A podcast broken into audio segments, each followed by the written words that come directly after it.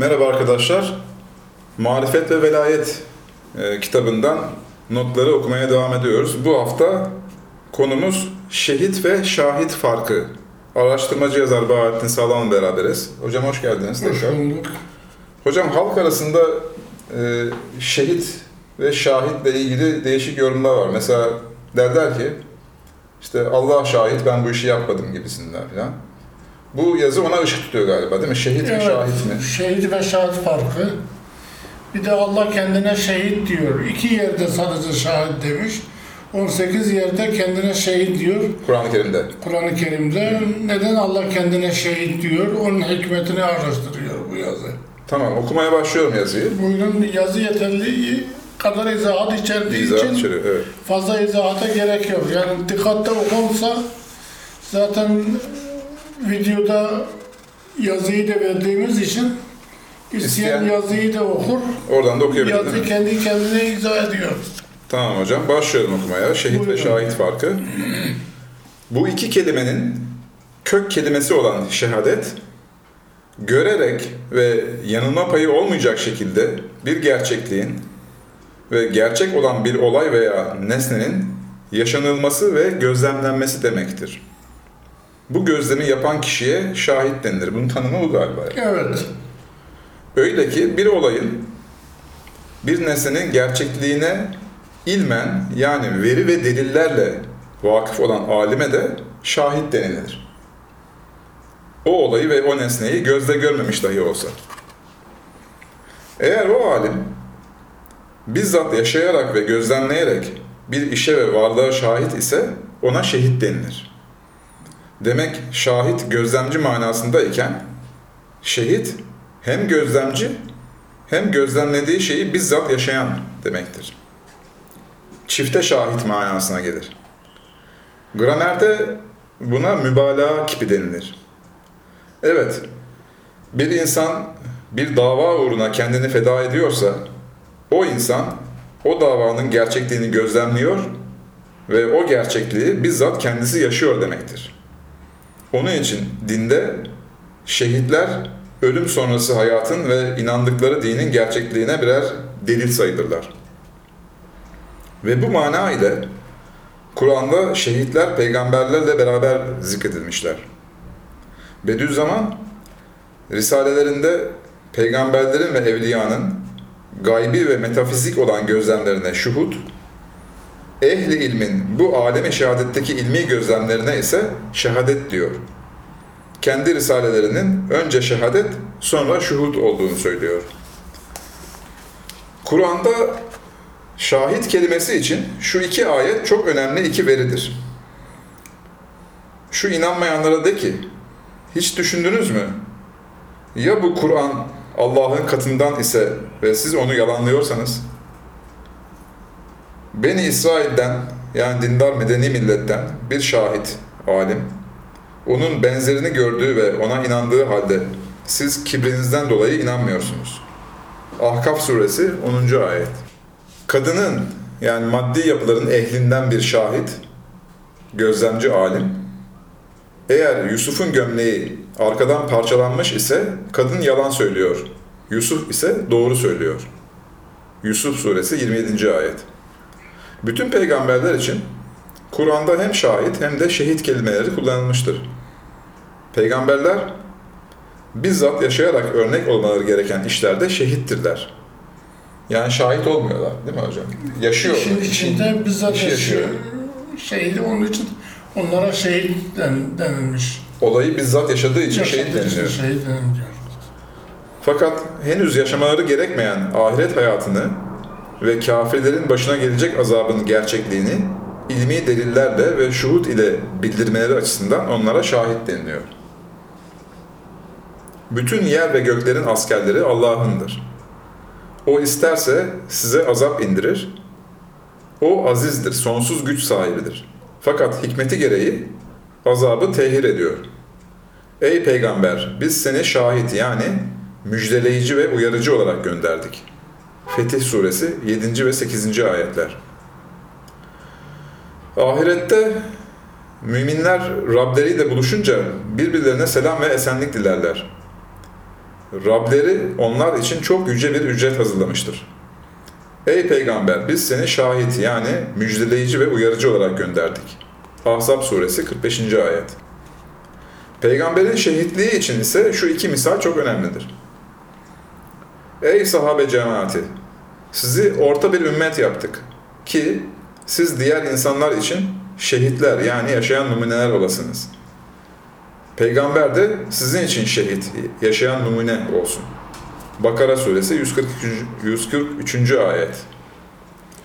İbrahim'in dini pratikleri olan İslam ibadetleri konusunda Peygamber size şehit yani yaşayan örnek olsun. Siz de diğer insanlara şehitler, yaşayan örnekler olasınız. Bu da Hac suresi 78. ayet. Herkesin şahit olarak çevirdiği ticaret ve hukuktaki şahitlik için dahi Kur'an şahit kelimesini kullanmıyor. Bu mevzuların geçtiği 3-4 yerde özellikli bir şekilde şehit kelimesini kullanıyor. Çünkü İslam'da şahitlik bir nevi kefalet ve sorumluluk taşır. Ve sırf kadınlar e, bu sorumluluk ve kefalette ezilmesinler diye onların bu şehitlik, şahitlik yükünü yarıya indiriyor. Yoksa bu onların kişiliğini yarım sayma manasına asla gelmiyor. Nitekim eğer sorumluluk ve kefalet manasını taşımıyorsa, yani normal bir alışveriş şahitliği ise, Kur'an, katibin ve şahidin zarar görmemesi gerekir diyor. Bakara suresi 282. ayet. Kur'an, istisnasız 18 yerde Allah için şehit kelimesini kullanmış. Çünkü Kur'an'ın tarif ettiği Allah, ötelerde bir teo değil, her şeyde, her olayda, kudretiyle, ilmiyle ve iradesiyle gerçekleri yaşayarak görüyor ve bize gösteriyor. Bu 18 yerde bu kelime şahit olarak çevrilirse ki bütün meallerde öyle çevrilmiş, ne kadar büyük manaların kaybolduğunu siz düşünün. Sadece iki yerde, o da çoğul kipiyle, ben de siz insanlarla beraber bu işe şahitlerdenim diyor. 21. sure 76. ayet ve 3. sure 81. ayet. Bu ise şu demektir. Ben bütün her şeyde kudretimi, ilmimi, irademi yaşıyorum.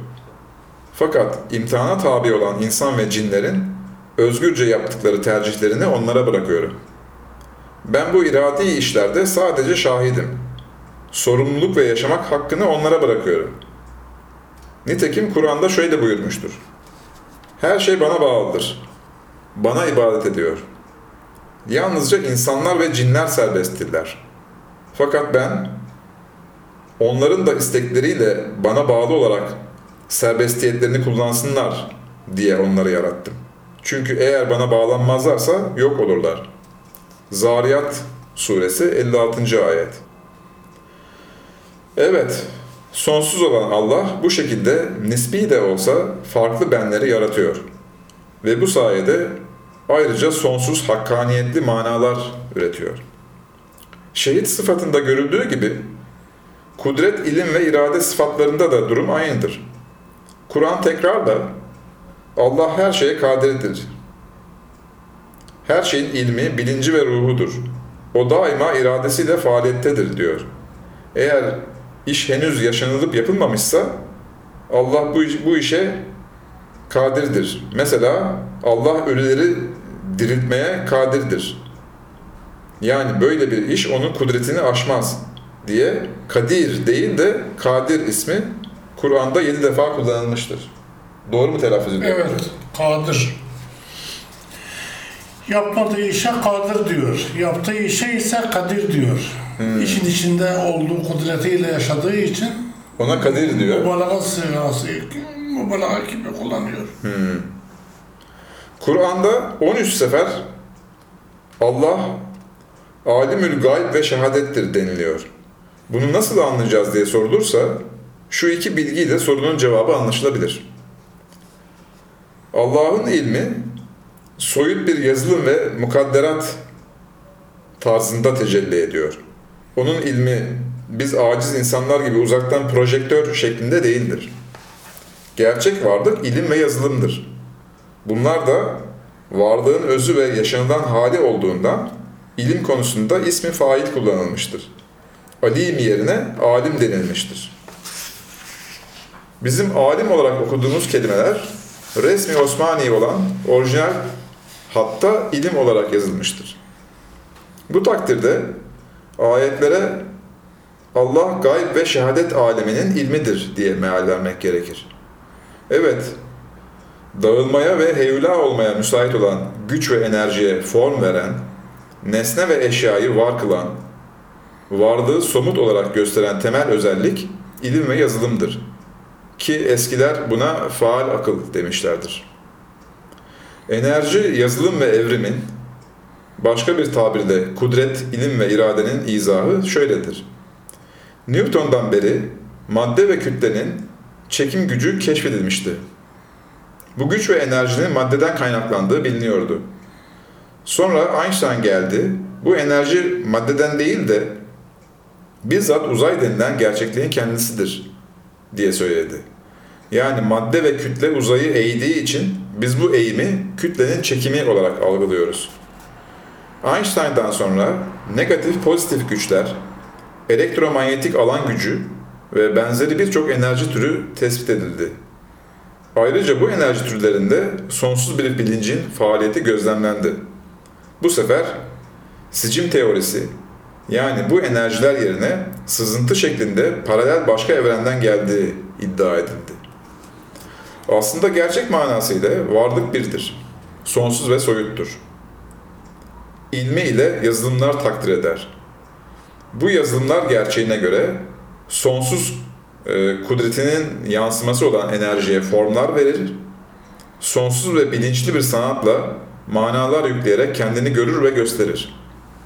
Daha sonra başka bir döngüde daha evvel kullandığı bu somut enerjiyi asla israf etmeden geri dönüşme veriyor. Fakat materyalistler ilmi, bilinci ve iradeyi kabul etmediklerinden işi şaşkın bir şekilde sırf enerjiye ve maddeye veriyorlar. Manevi ve soyut boyutları görüp Allah'a inanacaklarına maddi paralel evrenler gibi hayali şeylere inanıyorlar. Evet, birçok evren var. Fakat bunlar iç içedirler, paralel değiller. Bu enteresan tespitler hocam. Yani bu iç içe olması evrenlerin, paralel olmaması. Hepsi bir sistem. Varlık bir tanedir. Yani çoklu evren yok. Hmm, O bütünü gördüğünüz zaman zaten... Hepsi iç içedir yani. Evet hocam. Hepsi bir bütündür. Bütün Hepsi bir dosyadır. Sonsuz bir dosyadır. Varlık yokluk yok zaten. varlık var. Varlık sonsuz uzayı kaplamış enerjiyle, kütlesiyle. Her şeyi de kaplamış. Her Dolayısıyla paralel başka bir evren aramak e, doğru değil. Yanlıştır. Yok. İç içe bir sistem bir tanedir. Evet, Kur'an kudret kavramıyla bu tükenmez ve çok çeşitli enerjiye öncelikle dikkatleri çekiyor. İlim gerçeğiyle de sonsuz bilinçli ve harika sanatlı varlıkları gözlere gösteriyor. Daha sonra mutlak ve sonsuz yetkinliğinin ifadesi olan iradeyi bildiriyor. Bütün varlığı, bütün çeşitleriyle, geçmiş ve geleceğiyle görmeyenler, Allah'ın varlığını, soyutu ve manayı inkar etmemeli diyor. Bu bölümü fazla uzatmadan, Kur'an'ın şehadet, ilim, bilinç, denge ve düzen hakkındaki iki ayetinin manasını sunup, güzel de sonuyla bitirelim. Allah sonsuz soyut varlık olmakla ve dengeyi ayakta tutmakla kendisinden başka tapınmaya layık hiçbir şeyin olmadığına şehitlik ediyor. Melekler de bilinçli, dengeli yazılım dosyalar ve varlıklar olarak yine şehitlik ediyorlar. Alimler de ilimleriyle bu varlığa ve dengeye şehitlik edip bildiriyorlar ki varlık birdir ve sonsuzdur. Sonsuz izzet ve yetkinlik sahibidir. Fakat hikmeti gereği bazen sınırlı ve somut şeyler yaratır.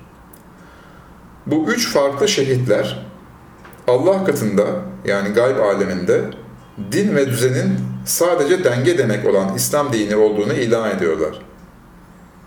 Aslında kendilerine kitap, bilgi ve yasa verilen herkes bu konuda müttefiktir.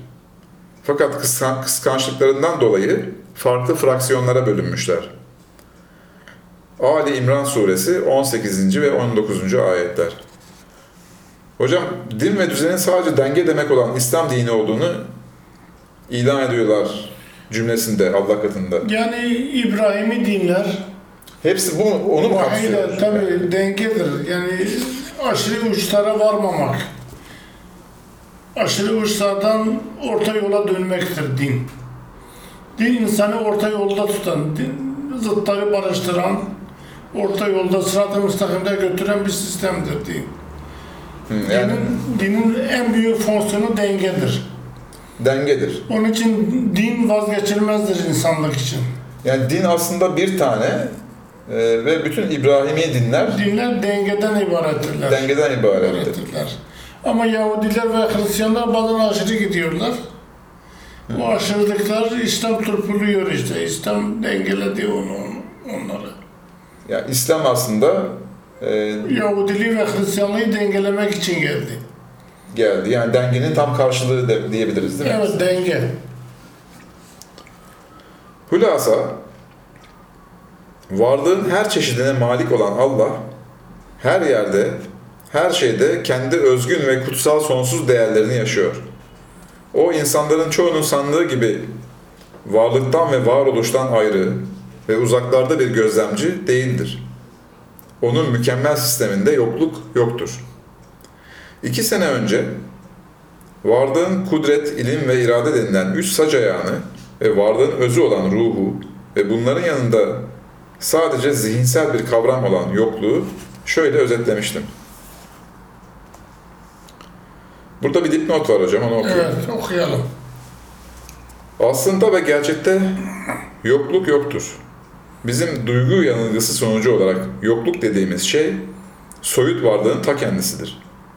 Ki fizik ilmi de mutlak yokluğun olmadığını, her yerde kendine özgü bir enerji ve maddenin varlığını bugün ilmen gözlemleyebiliyor diye bir dipnotumuz vardı. Evet. Enerji, yazılım ve irade yani gelişme isteği diye bir başlık var. Devam ediyorum hocam. Evet, bütün varlık sahasını kaplayan, binbir rengi ve sayısız şekilleri olan, dini terminolojide sonsuz ilahi kudret diye tanımlanan, ilim ve iradeyi yani yazılım ve gelişme iradesini içeren, gözle görülecek kadar net olan bir enerji yani kudret kesin olarak vardır.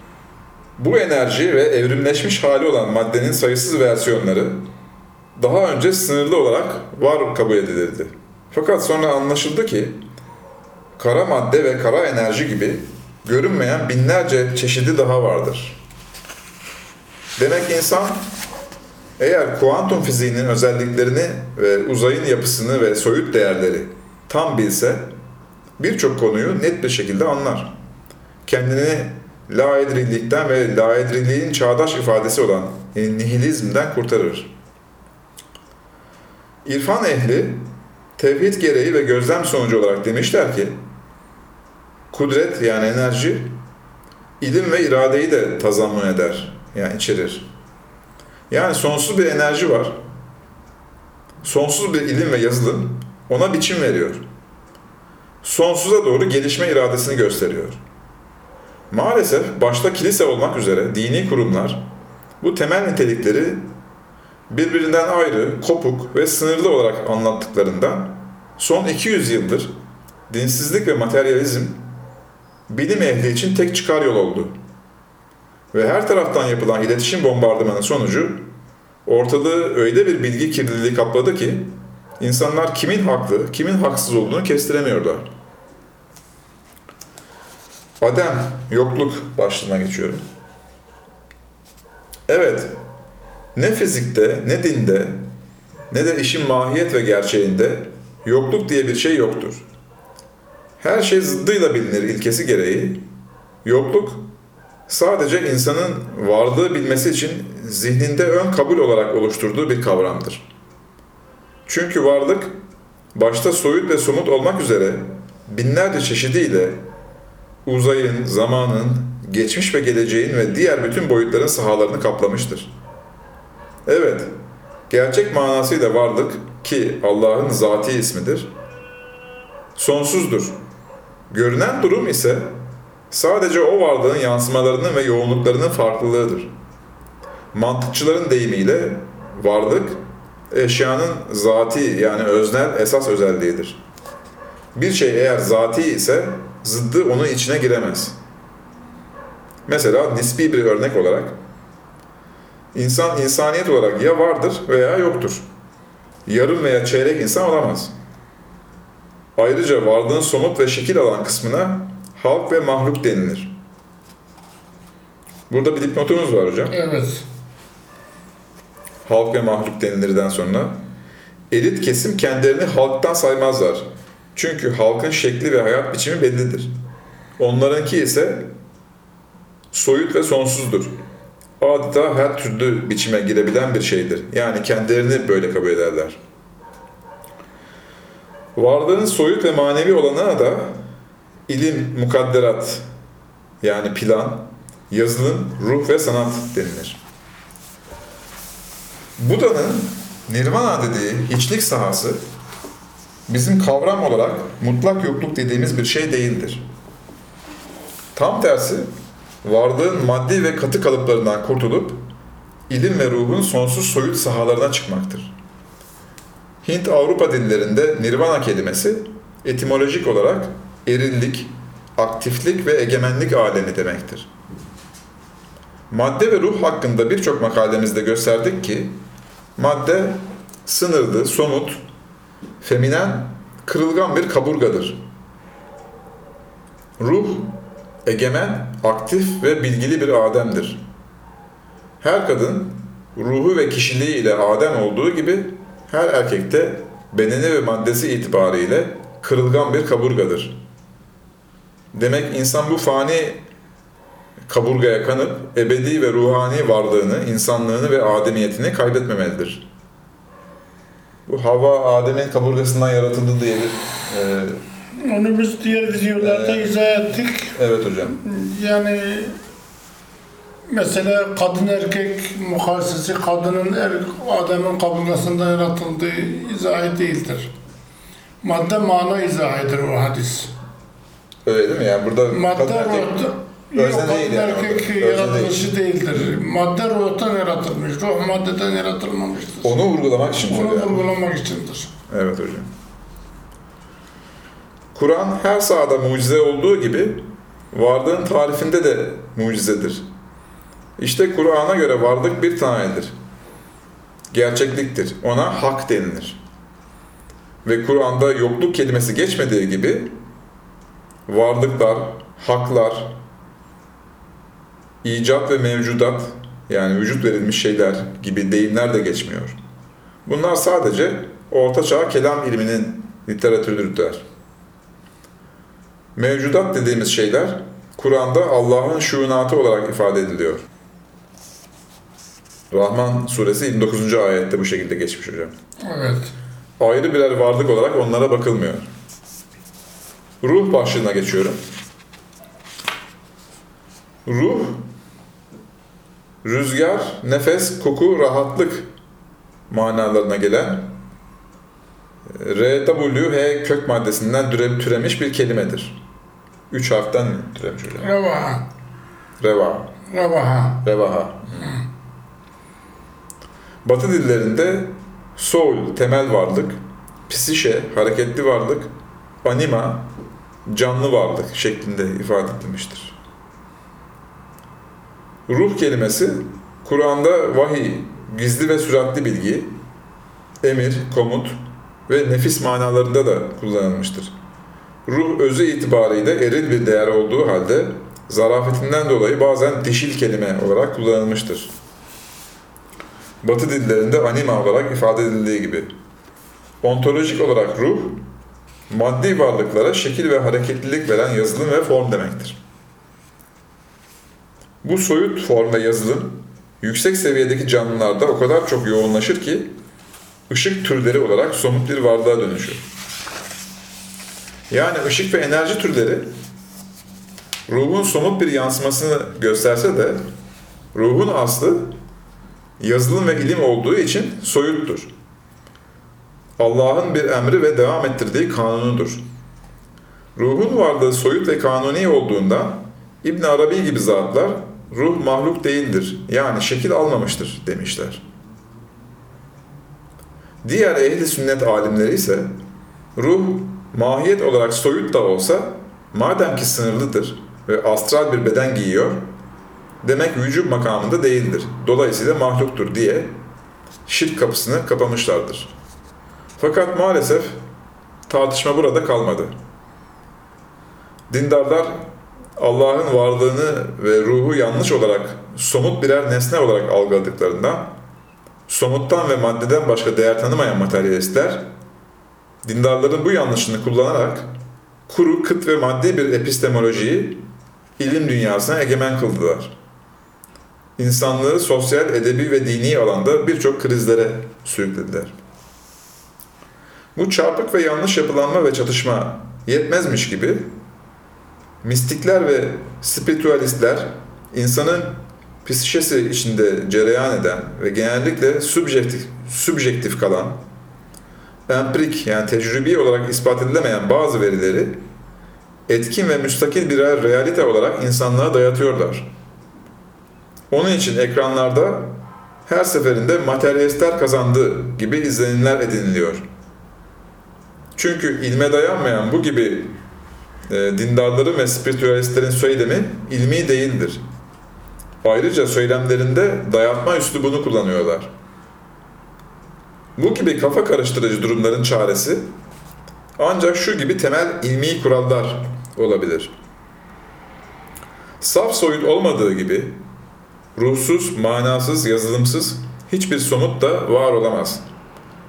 Mantık ilminde soyut mahiyet, somut hüviyet ile birleşince ona hakikat denilir. Mistik, subjektif bilgiler hiçbir zaman dini bilgi sayılmazlar. Çünkü bu alanda ilmi ölçüler ve dil kuralları tam işlemiyor. Ve çünkü vahiy ile gelen semavi dinlerde soyut, somut, gizli, açık, maddi, manevi farkı yoktur. İnsan bütün varlığın ve evrenin kapsamlı bir çekirdeği olduğunda iç derin bilinçleri açılmış bazı seçkin insanlar bilinç dehlizlerinde gördükleri gerçekleri evrensel ve kainat çapında realiteler sanıyorlar. Halbuki o hakikatler sadece küçük birer numunedirler. Evet bu değerli zatların bu tarz müşahedeleri hayalden ve bilinç dehlizlerinde gördükleri kişisel ve lokal bazı sezilerden ve duru görülerden başka bir şey değildir. Bu mistik işler ve görüntüler materyalizmi kıracağına maalesef ilmi yetersizlikten materyalizmin güçlenmesine sebep oluyor.